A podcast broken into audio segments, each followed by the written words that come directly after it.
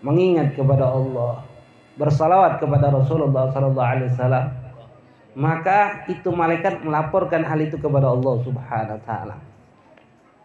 Ketika dilaporkan kepada Allah Subhanahu wa taala, Allah Maha tahu lalu bertanya kepada malaikat, apa yang dilakukan oleh hambaku tersebut? Maka malaikat melapor kepada Allah, ya Allah, engkau Maha tahu akan apa yang dilakukan hambamu. Mereka berzikir, memuji engkau, mengagungkan engkau, bersalawat kepada nabi engkau. Lalu Allah tanya lagi, apa sih? Kenapa mereka berkumpul? Apa tujuan mereka? Mereka menginginkan apa? Kata Allah Subhanahu wa taala.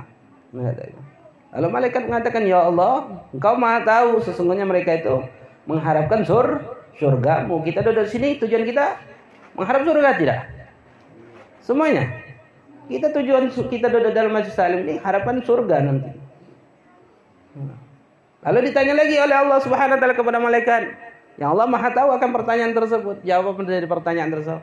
Apa yang paling ditakutkan akan umat-umatku tersebut, hamba-hambaku tersebut? Ayo Pak, Bu, apa yang kita takutin? Dalam hidup ini. Hah? Apa yang kita takutin? Masuk neraka.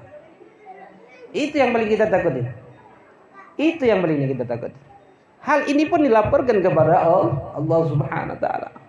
Ya Allah, hambamu ini takut akan neraka.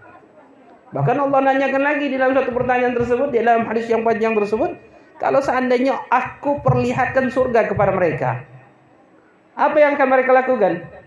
Pak, Bu, kalau Allah tampakkan surga kepada kita, apa yang akan kita lakukan? Tambah giat kita ibadah kepada Allah. Semangat, kenapa? Karena ingin mendapatkan sur surga. Jangankan surga, jenengan pagi-pagi ngederes aja pengen dapat duit, Pagi-pagi orang tidur jenengan deres. Mengatakan. Kenapa? Karena pengen dapat duit. Mengatakan. Apalagi surga. Begitu juga Allah tanyakan lagi. Kalau aku perlihatkan kepada mereka ini nerakaku.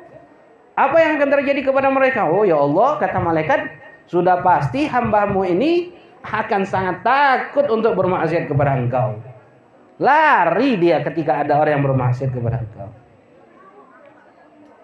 Lalu Allah katakan kepada malaikat, "Ishhadu, saksikan wahai malaikat, sesungguhnya aku mengampuni dosa-dosa mereka semua."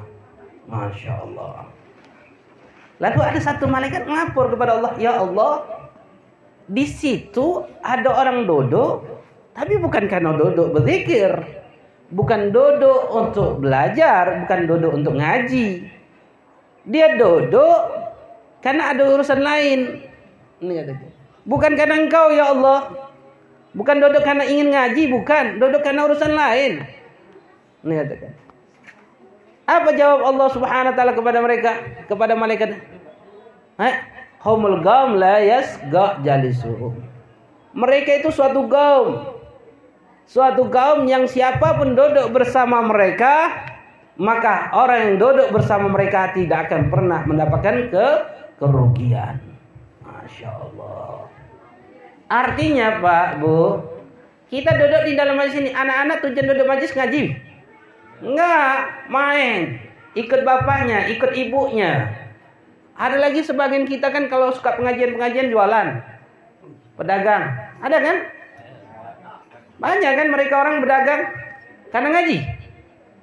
Enggak, karena ingin berdagang. Lihat orang kumpul, pengajian, mereka jual, jualan. Tidak ada niat untuk berdagang, tidak ada niat untuk mengaji mereka orang.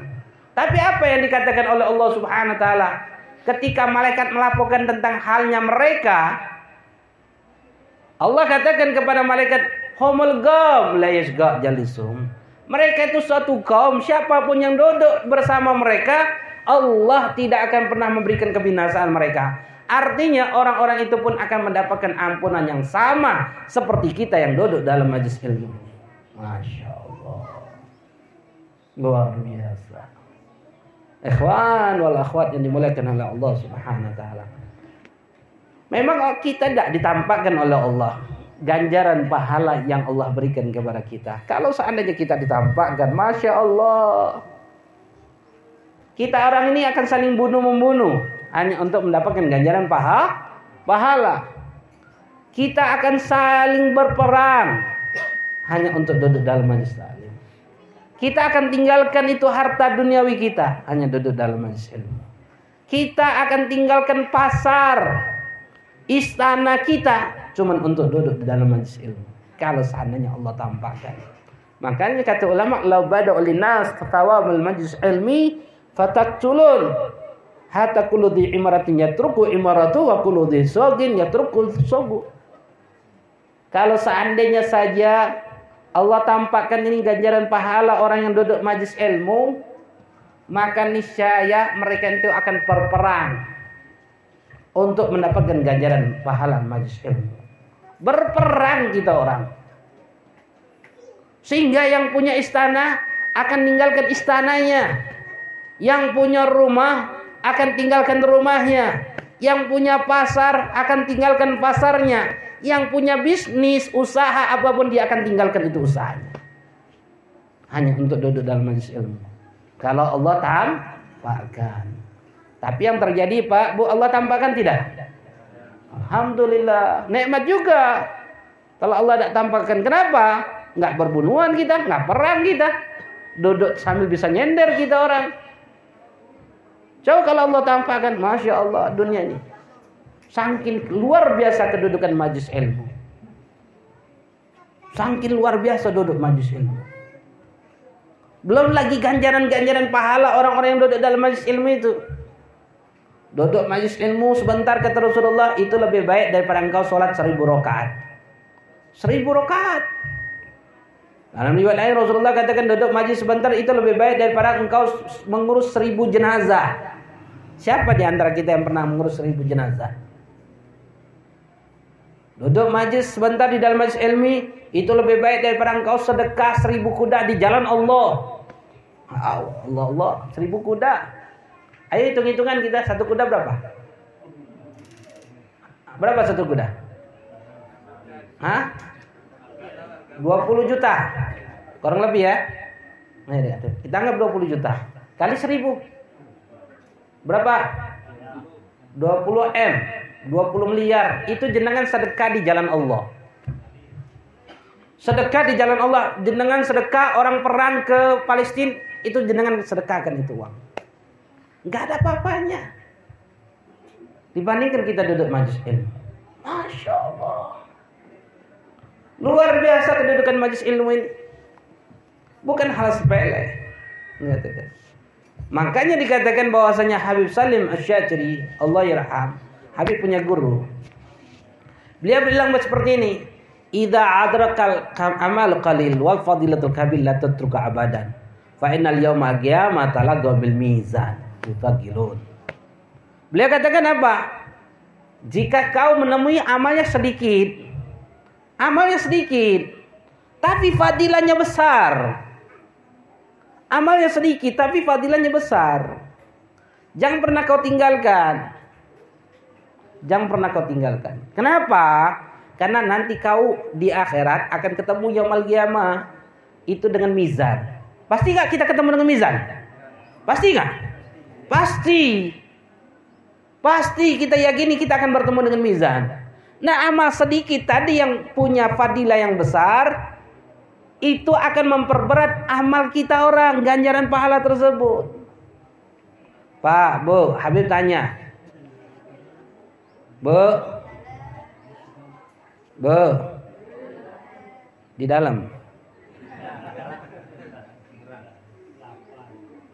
Bu, yang di belakang. Habib tanya nih. Bu, di dalam. Nah. Harusnya keluar, jangan di dalam. Bu. Kalau ditanya, dijawab, panggil orang itu jawabnya sebetulnya bukan dalam. Yang benar itu jawabnya apa? Lebay. Jawabnya lebay. Nabi itu sebaik-baiknya orang sebaik-baiknya perilaku yang baik ada di dalam diri Nabi. Nabi kalau dipanggil jawabnya lebay. Jadi kalau dipanggil, Bu, lebay. Pak, istrinya dipanggil, lebay. Anaknya dipanggil, lebay. Biasa kan panggil jawabnya le, Lebaik bukan dalam. Labbaik.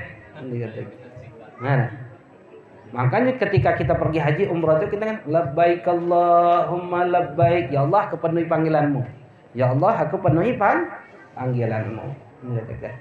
Bu, nanti pada hari kiamat yang ditimbang oleh Allah di mizan itu amalnya atau pahalanya?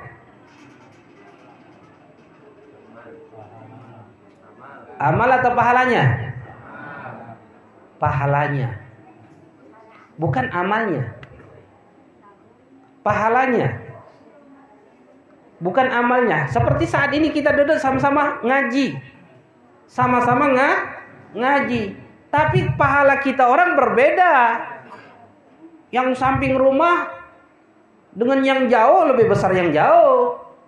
Yang naik motor, eh, sambil ngengkol yang sater itu beda iya beda jenengan yang duduk nyender dengan yang nggak duduk nyender mau disamain pahalanya beda yang bawa Habib ke sini dengan orang yang duduk saja di sini beda nggak Beda. Pak Taka, Pak Mustafa dengan kita pahalanya beda nggak? Beda nggak? Beda. Tuh Pak Haji Jepri. Beda nggak dengan pahalanya sama kita orang? Siapa santri baru? Alhamdulillah. Nganter Habib, nyumput Habib ke Palembang. Hah? Sambil mogok lagi mobilnya. Di lampu merah lagi mogoknya dorong dulu kan beda ganjaran pahalanya. Walaupun amalnya sama saja kita orang tapi pahalanya itu beda. Makanya beliau katakan jika kau temui amalnya sedikit amalnya duduk-duduk saja sambil nyender sambil tidur-tiduran. Ya bu? Tapi ganjaran pahalanya lebih awal dari sholat seribu rakaat. Lebih afdal daripada seribu jenazah yang kita urus. Lebih afdal daripada seribu kuda yang kita sedekahkan di jalan Allah. Amal yang sedikit seperti ini. Tapi fadilahnya sangat besar. Jangan pernah kau tinggalkan. Kau duduk di situ majelis taklim. Ada majelis taklim duduk situ. Kenapa? Ganjarannya, pahalanya luar biasa. Kapan ganjaran pahala luar biasa itu? Ketika nanti di mizan, di timbangan. Nanti kalau Allah sudah matikan kita, baru kita ngerasa bahwasanya nikmat duduk dalam majlis ilmu itu. Kita akan mengatakan alhamdulillah aku beruntung bisa hadir dalam majlis itu. Alhamdulillah aku beruntung bisa ketemu orang-orang ini. Alhamdulillah aku beruntung bisa kenal Pak Mustafa. Keberuntungan itu kapan? Kalau sudah Allah matikan kita. Tapi kalau kita belum dimatikan oleh Allah, maka hakikat kehidupan ini kita tidak akan pernah mengerti, tidak akan pernah paham.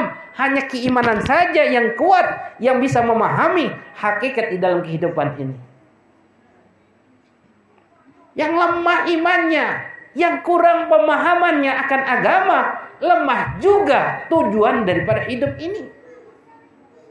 Berapa banyak orang berpikir tujuan hidup ini mengumpulkan harta yang banyak, kebun yang luas, kedudukan yang tinggi, pengen dihormatin orang, pengen punya banyak harta, pengen punya istri, pengen punya suami, pengen punya anak.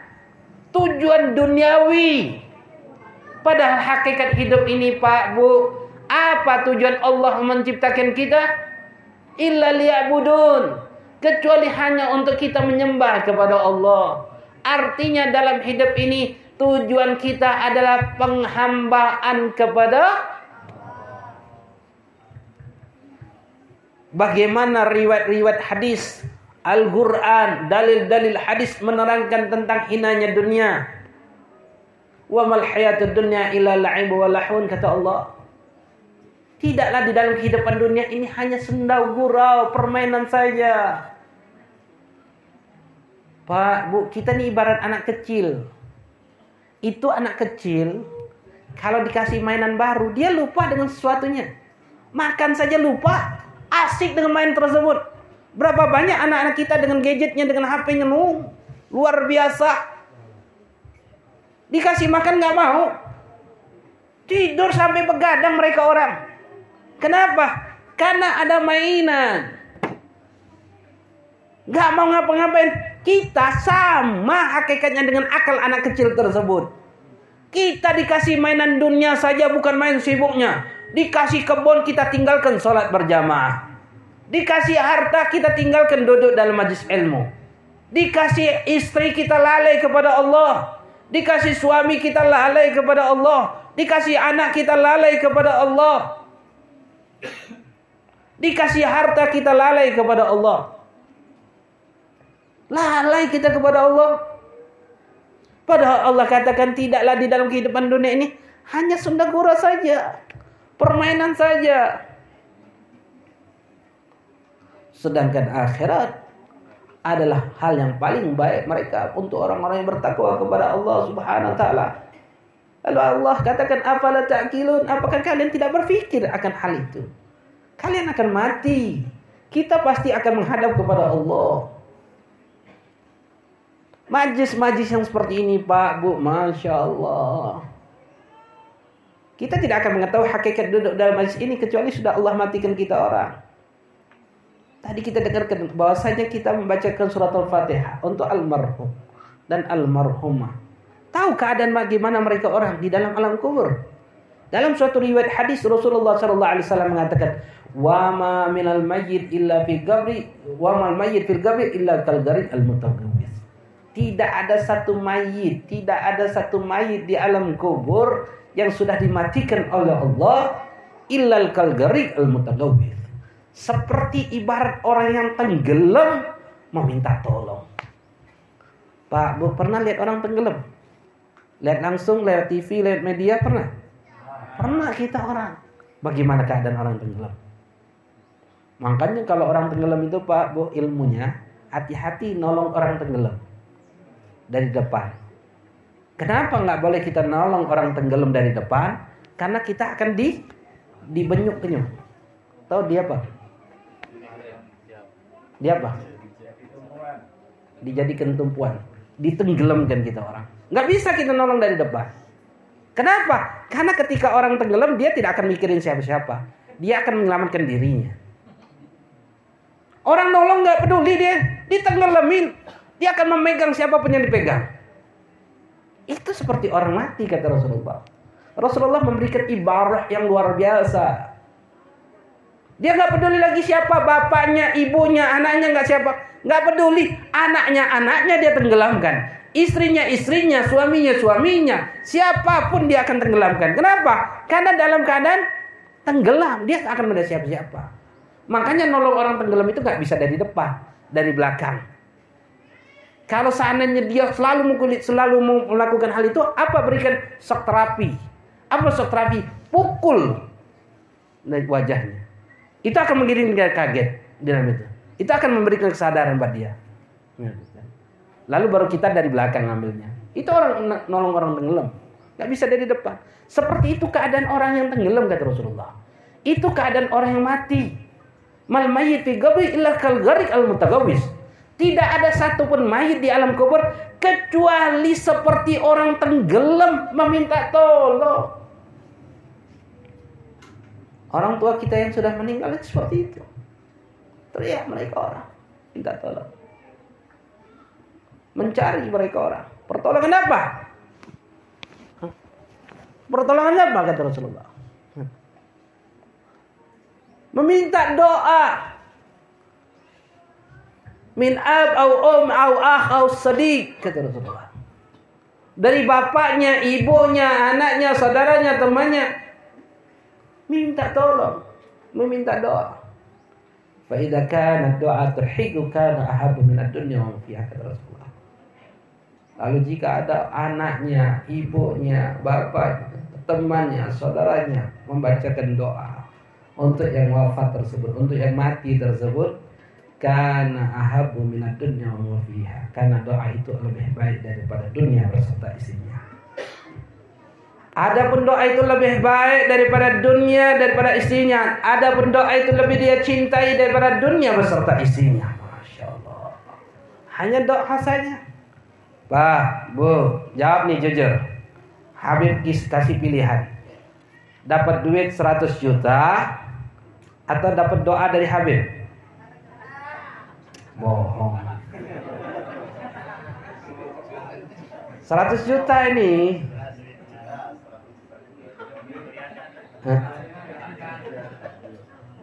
Doa dari Habib atau 100 juta? Habib kalau jenengan nanya, Habib kalau Habib gimana? Doa dari kami semua atau uang 100 juta? Milih 100 juta Habib. Kalau doa jenengan belum tentu dikabulkan oleh Allah. Wajar kita orang milih doa. Tidak memilih doa.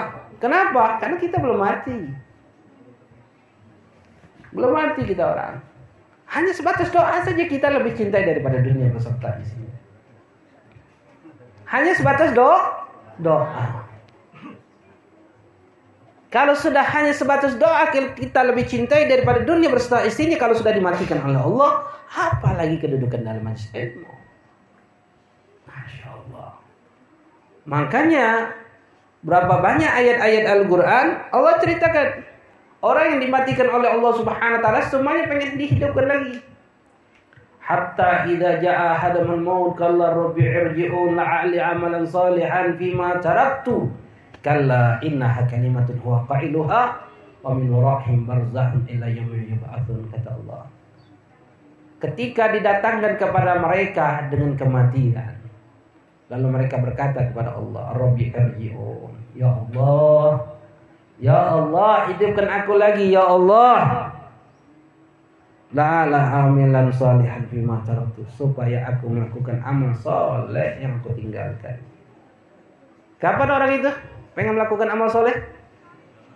Sudah mah? Sudah mati. Apa Allah hidupkan lagi mereka orang? Nah, Allah tidak hidupkan lagi mereka orang. Tapi kalau belum mati, deres apa majelis? Deres. Subuh-subuh lewat. Mana? Deres tuh? Tetap. Berapa banyak yang deres pagi hari, subuhnya le lewat. Jam berapa jenengan deres? Jam 4. Jam 4 subuh. habis sholat subuh. Kalau yang sholat. Nah. Banyak yang sholat, banyak yang enggak? Banyak enggak? Luar biasa. Itu hidup kita orang, Pak, Bu. Itu hakikat kita orang. Kenapa? Karena kita belum dimatikan oleh Allah. Kalau sudah dimatikan oleh Allah, Allah Allah kita orang. Apalagi lihat keadaan sekarang ini. Musibah demi musibah bertubi-tubi kita orang datang kemarin wabah yang luar biasa di dunia ini dengan wabah COVID-19 itu, corona. Orang tidak bisa berbuat apa-apa. Masuk 2001, lihat bencana demi bencana kejadian. Masya Allah.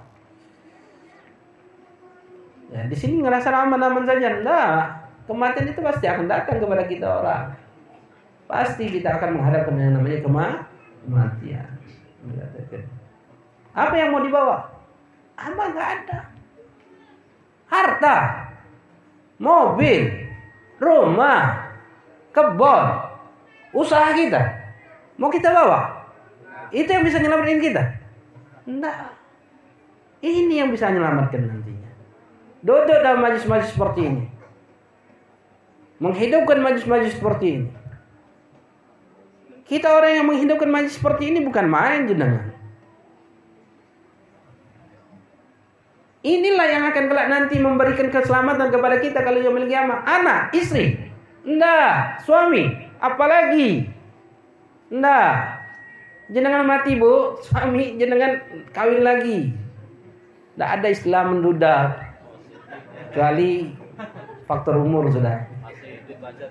Iya masih hidup aja kata Ustaz muslimin pengen nikah lagi Nah, tidak ada yang namanya jenengan. Harta, tidak ada. Anak yang soleh, ilmu yang bermanfaat, amal yang terus mengalir pahalanya. Inilah yang akan memberikan kebaikan kepada kita nanti. Kapan? Kalau sudah dimatikan oleh Allah. Harta yang kita tinggalkan akan memberikan. Nah, Zainal Muaz radhiyallahu anhu beliau katakan apa? Orang yang meninggalkan harta ketika wafat Orang yang mati ketika wafat dalam keadaan dia meninggalkan harta maka dua ketakutan yang dia alami. Yang pertama hartanya diambil oleh orang lain walaupun itu anaknya, walaupun itu bininya, walaupun itu istrinya, suaminya dan berbagai macam. Walaupun mereka adalah orang-orang yang berhak menerima menerima waris dari kita orang. Walaupun ketakutan yang luar biasa. Kapan kalau sudah dimatikan? Yang kedua apa? Setiap harta yang digunakan untuk bermaksiat kepada Allah, maka dia yang mati tersebut yang akan diadab oleh Allah Subhanahu wa taala. Pak, Bu, kita dapat waris, beli kebun, kebun dapat warisan. Hasil kebun kita gunakan untuk maksiat. Beli HP. HP-nya kita gunakan maksiat. Siapa yang diadab? Siapa yang diadab? Yang meninggalkan waris. Yang meninggalkan waris. Masya Allah. Begitu juga sebaliknya. Meninggalkan harta waris. Lalu warisnya dijadiin oleh anaknya pondok pesantren. Dibangun pondok pesantren. Setiap anak yang belajar di situ dapat pahala nggak dia? Dapat pahala. Sama. Kalau digunakan maksiat dia akan diadab oleh Allah. Jika digunakan ketaatan dia akan mendapatkan ganjaran paha pahala di sisi Allah pertanyaannya Pak Bu kira-kira kalau kita tinggalkan harta kepada anak istri suami kita, ya kita tinggalkan harta kepada mereka, mereka gunakan taat atau untuk maksiat? Hah? Taat atau maksiat?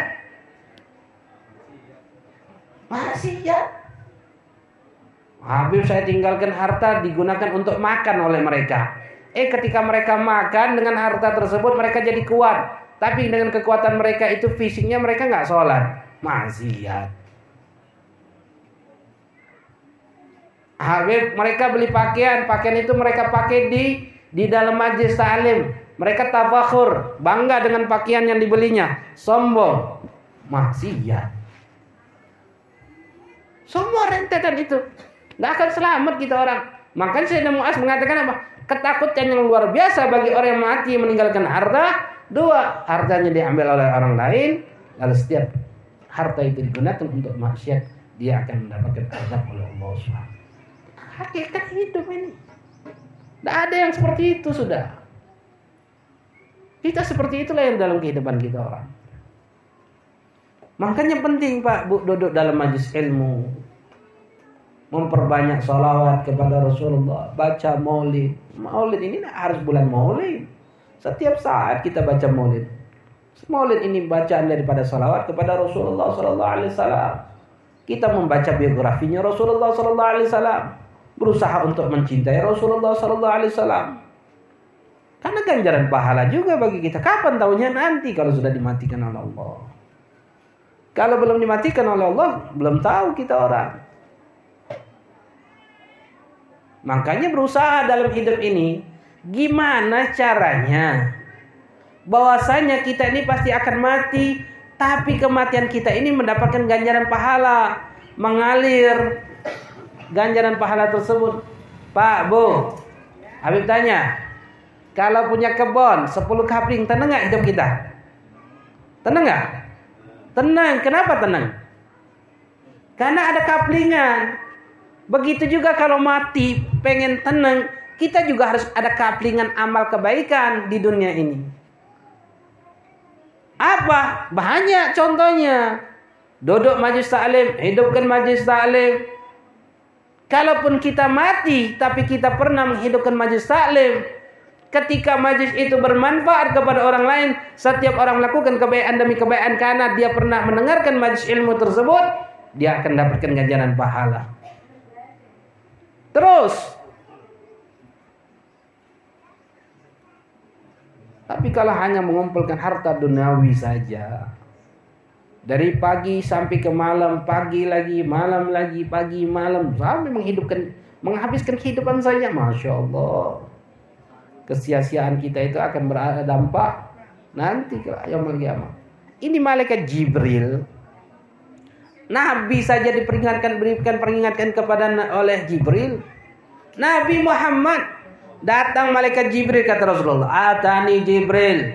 Faqala datang kepadaku Jibril lalu dia berkata kepadaku, "Ya Muhammad, ish ma syi'ta fa innaka mayyitun."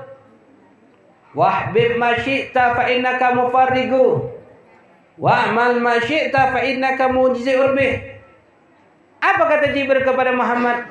Hei Muhammad, hiduplah sesukamu.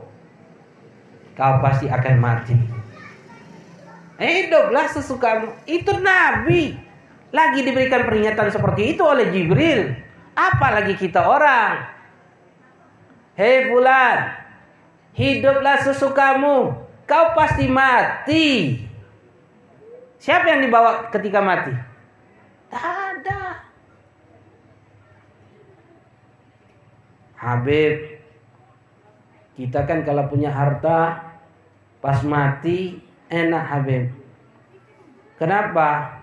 Karena harta itu bisa kita berikan nafkah anak istri kita. Oh iya, kalau harta ini diberikan nafkah dan nafkah itu menjadikan dia taat kepada Allah. Tapi kalau dengan sebab nafkah itu menjadikan mereka sombong kepada Allah, siapa yang diadab? Kita. Kita yang diadab. mal masyi'ta. Wah, wah apa dikatakan? Ish masyi'ta fa innaka mayyitun mayyitun bi. Hiduplah sesukamu, kau akan mati. Lalu Jibril dikatakan lagi kepada Nabi Muhammad apa? Wahbim masyita fa kamu farigo. Senangi, cintai apa yang kau ingin cintai dalam kehidupan dunia. Cinta itu hartamu. Cinta itu uang yang banyak. Cintai itu kedudukanmu. Cintai rumahmu. Cintai istrimu. Cintai suamimu. Cintai anakmu. Cintai apa yang kau ingin cintakan dalam kehidupan dunia ini. Cintai saja. Senangi saja. Fa kamu farigo. Tapi ingat kau akan berpisah. Tak selama-lamanya dia akan milikmu. Tak selama-lamanya itu istri akan menjadi istrimu. Suami akan menjadi suamimu. Anak akan menjadi anakmu. Tak akan selama-lama. Itu harta. Tak selama-lamanya menjadi hartamu.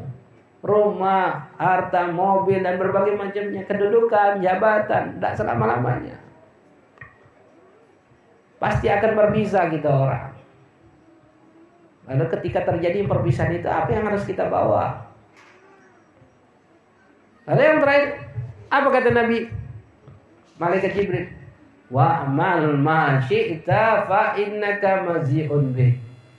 Lakukanlah apa yang kau ingin lakukan. Lakukan silakan. Mau lakukan taat silakan, lakukan maksiat silakan, kau sia-siakan hidupmu silakan. Kau nggak bantu, kau bantu Allah silakan, kau nggak bantu Allah silakan. Kau berusaha hidupkan majlis silakan, kau tidak berusaha untuk menghidupkan majlis silakan. Fa innaka mazi'un bi.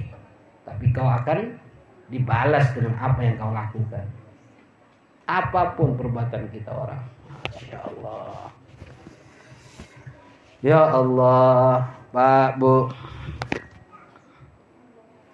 semua yang kita lakukan dalam hidup ini pasti dan pasti ada balasannya Gimana balasan itu akan menjadikan kebaikan kepada kita itu yang harus kita pikirkan.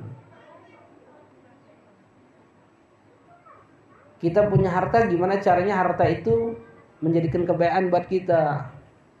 Menjadi kebaikan buat anaknya.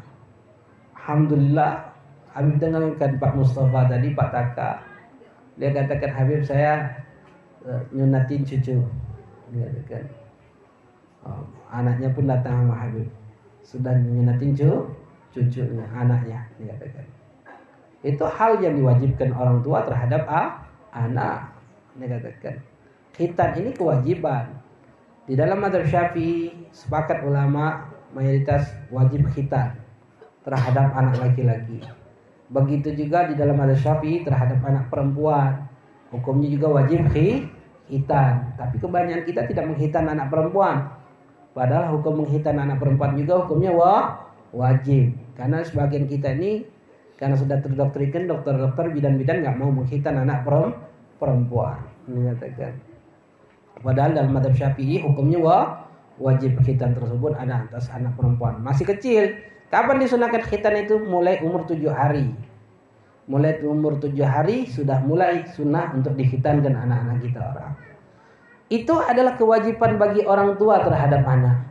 Apa sebatas itu saja? Tidak.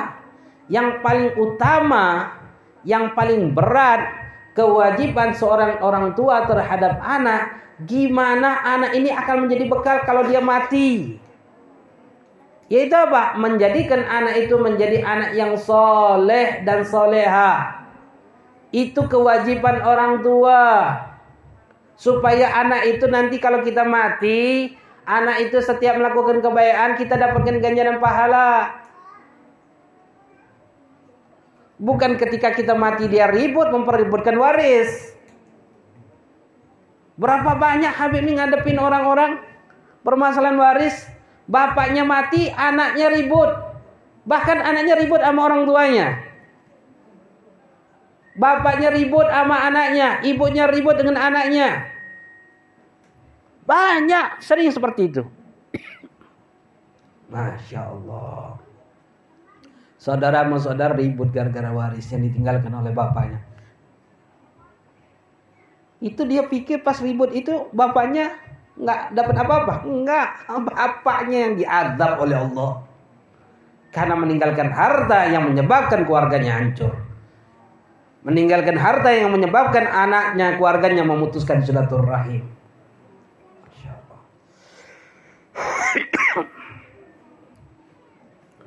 Banyak nggak Pak, Bu yang seperti itu? Banyak. Masya Allah sudah mati ninggalkan harta eh, bukan bikin kebaikan buat anak ibu eh, anak keluarganya. Bikin pecah putus silaturahmi. Salah siapa? Salah siapa? Salah siapa? Salah orang tuanya. Kenapa dia pikir bahwasanya harta memberikan kebaikan untuk anaknya? Sayyidina Umar Abdul Aziz.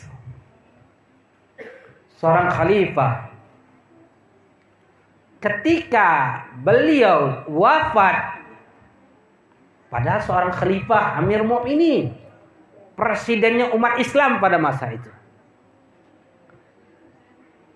Tapi sifat waroknya luar biasa. Sifat kehati-hatiannya luar biasa.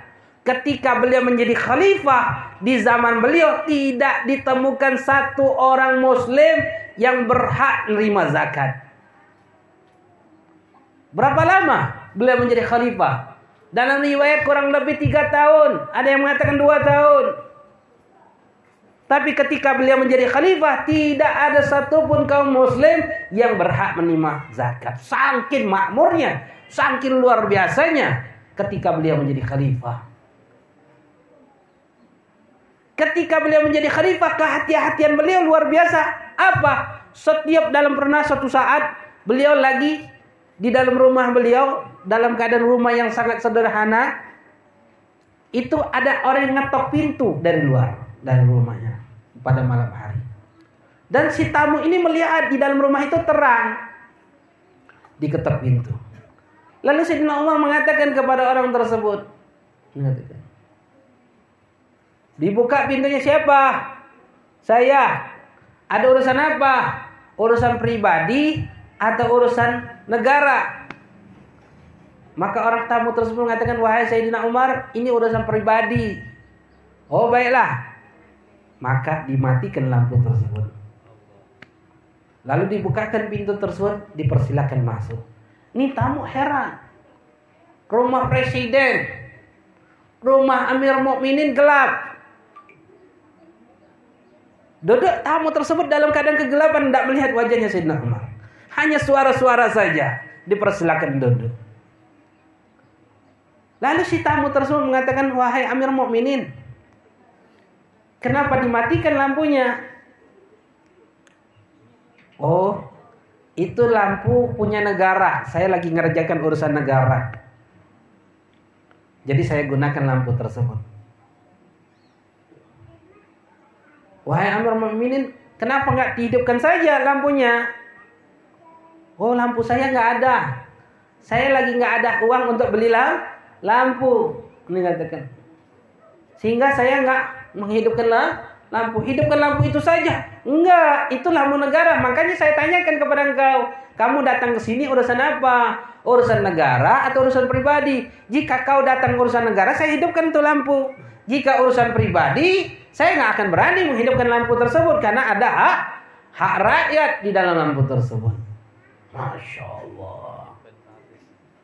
Pak, Bu, ada yang seperti itu?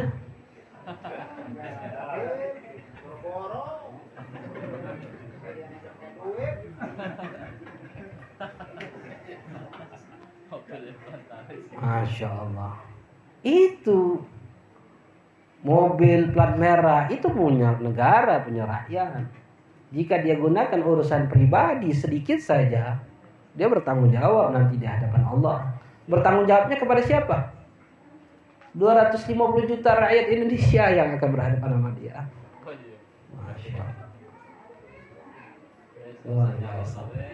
Itu Sayyidina Umar ketika beliau wafat, ketika beliau wafat sehingga ketika beliau wafat tidak ada satupun harta yang menjadi waris untuk anak-anaknya.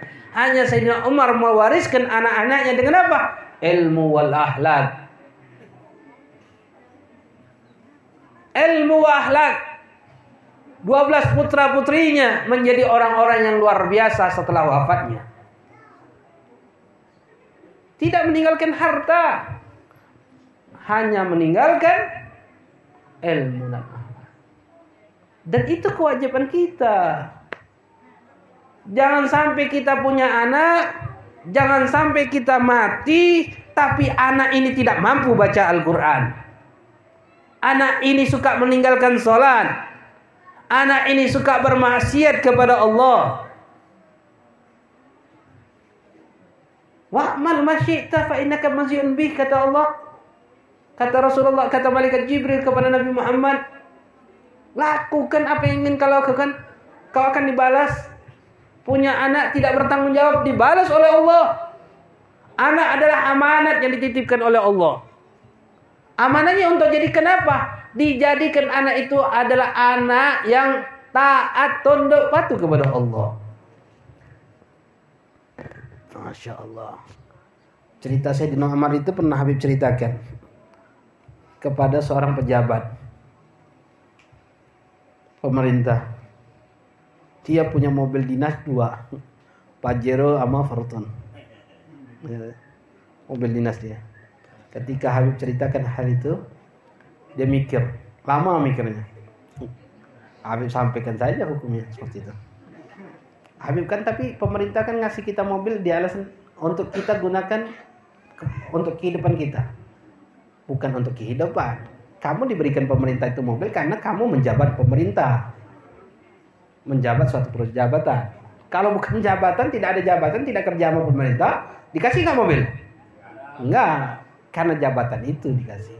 Dan ingat, itu duit rakyat. Jika kamu pergi gunakan mobil tersebut untuk kerja, lalu mampir saja ke Indomaret untuk membeli sesuatu, itu ada pertanggungjawaban. Lalu Habib bilang, orang pertama kali yang akan nuntut jenengan siapa? Habib nanti di akhirat. Kenapa? 250 juta rakyat yang akan menuntut. Jangankan jenengan, Habib bakal tuntut. Orang tua Habib saja sendiri, Habib tuntut nanti di akhirat. Orang yang pertama kali menuntut kita siapa? Pak, Bu, anak dan istri. Pak, istri itu yang bakal nuntut kita orang pertama kali. Makanya jangan terlalu sayang sama istri. Kenapa? Karena dia akan memberikan kesusahan sama kita.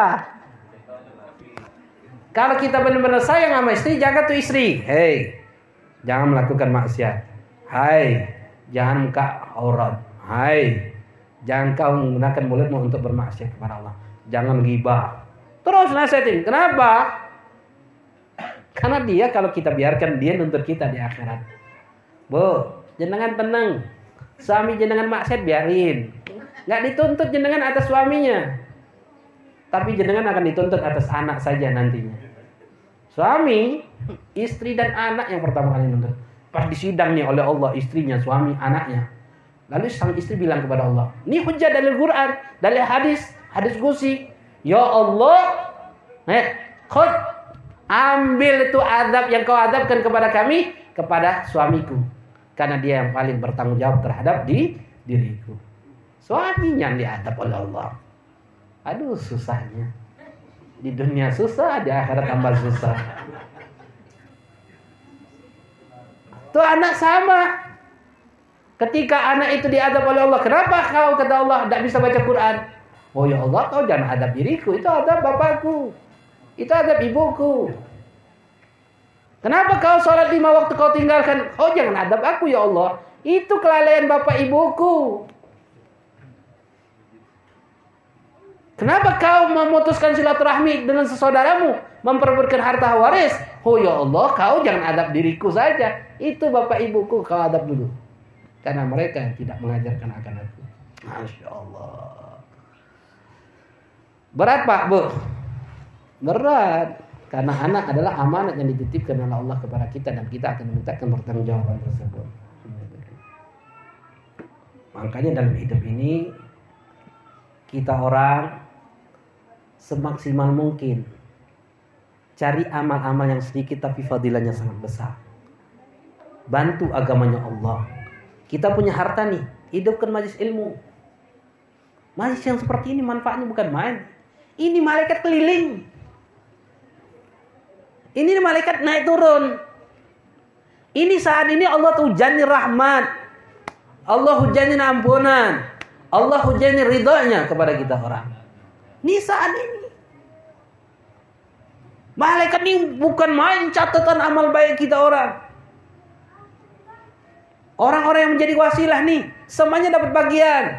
Yang bentang karpet dapat bagian. Ini yang rumah yang punya rumah dapat bagian. Yang bersih-bersih dapat bagian. Bagiannya lebih besar. Yang luarkan hartanya dapat bagian. Yang ngajak dapat bagian, yang ngundang dapat bagian. Mendala ala khair kafailihi. Orang yang memberikan petunjuk akan kebaikan, maka dia seperti orang yang melakukan kebaikan tersebut kata Rasulullah. Gunakan hartamu, gunakan jabatanmu, gunakan fisikmu, gunakan kemampuanmu. Gunakan. Gunakan nih HP untuk dakwah. Gunakan, ikhwan. Karena dakwah yang seperti ini, mengajak yang seperti ini adalah hal yang paling menyenangkan hati Nabi.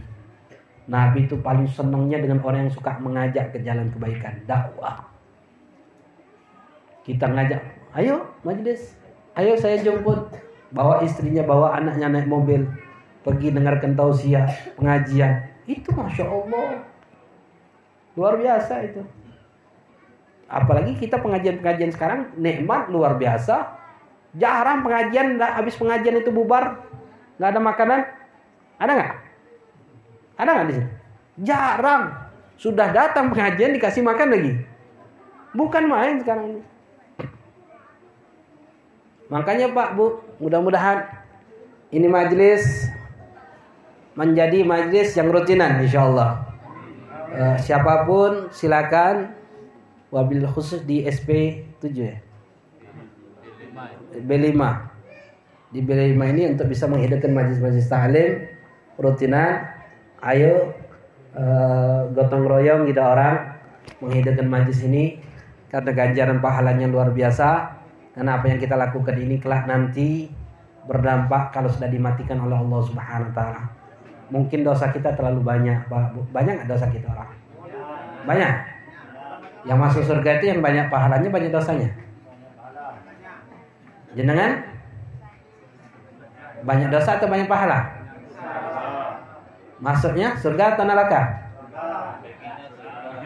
Masuknya sur. Gimana caranya? duduk majlis tahlim imbangi Dosa kan banyak. Dosa kan mbak? Pahalanya dikit. Mengatakan imbangi dengan hal-hal yang seperti ini. Hidupkan majlis taklim, makmurkan majlis taklim, ajak orang untuk duduk majlis taklim, hadirkan pengajian-pengajian, keluarkan harta untuk majlis taklim. Keluarkan harta ini untuk majlis taklim besar pahalanya. besar luar biasa. Sering habis ceritakan tentang kedudukan sedekah. Imam Syuti rahimahullah beliau katakan apa kedudukan sedekah itu beda-beda. Ada lima kedudukan sedekah kata Imam Syuti rahimahullah. Satu dibalas oleh Allah sepuluh. Sedekah kepada siapa? Orang yang sehat jasmaninya. Ada orang sehat jasmaninya, ada uang sepuluh ribu. Kita kasih nih. Dibalas oleh Allah sepuluh kali. Yang kedua, sedekah satu dibalas oleh Allah berapa? 90 menyatakan. Satu dibalas oleh Allah 90 menyatakan. Kan luar biasa besar pahalanya. Kepada siapa? Satu dibalas oleh Allah 90 tersebut. Diberikan kepada orang-orang mana lupa Habib. Nah, kepada a'ma wal mubtala. Satu dibalas oleh Allah 90. Kepada orang buta ataupun orang-orang yang dapat musibah. Uang 10 ribu nih kita kasih kepada orang buta atau orang yang dapat musibah. Dibalas oleh Allah 90 kali. Beda tuh dibandingkan 10. Lalu yang ketiga, satu dibalas oleh Allah 900 kepada siapa? Kerabat yang membutuhkan. Ada kerabat kita, keluarga kita yang membutuhkan. Ada uang 10 ribu, kita kasih nih kepada mereka. Dibalas oleh Allah 900. Bandingkan derajat 10, 90, 900. Yang keempat, kedudukan keempat. Satu dibalas oleh Allah 100 ribu. Kepada siapa? Abuain, kepada orang tua. Ada uang 10 ribu ngasih bapak. Pak, bu, Sepuluh ribu. Dibalas oleh Allah berapa? Seratus ribu. Bukan 900 piala, 900 lagi, tapi seratus ribu. Lalu derajat yang terakhir. Satu dibalas oleh Allah 900 ribu. Kepada siapa? Fugaha wal alim. Orang yang pagi, orang yang memahami ilmu agama, dan orang alim. Satu dibalas oleh Allah 900 ribu. Jadi ada uang 10 ribu kasih nih orang alim, orang pagi dibalas oleh Allah 900 ribu. Amalnya sama nggak? Amalnya sama nggak? Amalnya berapa? 10 ribu. Tapi pahalanya? Makanya yang ditimbang nanti di akhirat itu adalah amal atau pahala? Pahala. Jadi amal-amal sedikit tapi fadilahnya besar. Cari amal-amal sedikit tapi fadilahnya sangat besar. Yang paling besar adalah duduk majlis ilmu. Kalau ada majlis ilmu, kita ikut andil. Gimana caranya? Supaya dapat ganjaran pahala be bentang sejadah, bentang karpet, nyapu, beli minuman. Saya akuanya ya. Biar saya yang beliin akuanya. Supaya aqua berapa harganya tapi ganjaran pahalanya luar biasa. Luar biasa. Harus ikut andil. Makmur kan majlis-majlis ilmu. Saya buah-buahnya ya. Itu ganjaran pahalanya luar biasa. Walaupun jenengan nggak ikut duduk dalam majlis taklim ini, pahalanya itu luar biasa, luar biasa. Dan mudah-mudahan kita bisa menempatkan bagian daripada ganjaran pahala tersebut. Bapak-bapak, ibu-ibu yang dimuliakan oleh Allah Subhanahu wa taala, ini ada lima buku. Buku ini sifatnya hadiah. Buku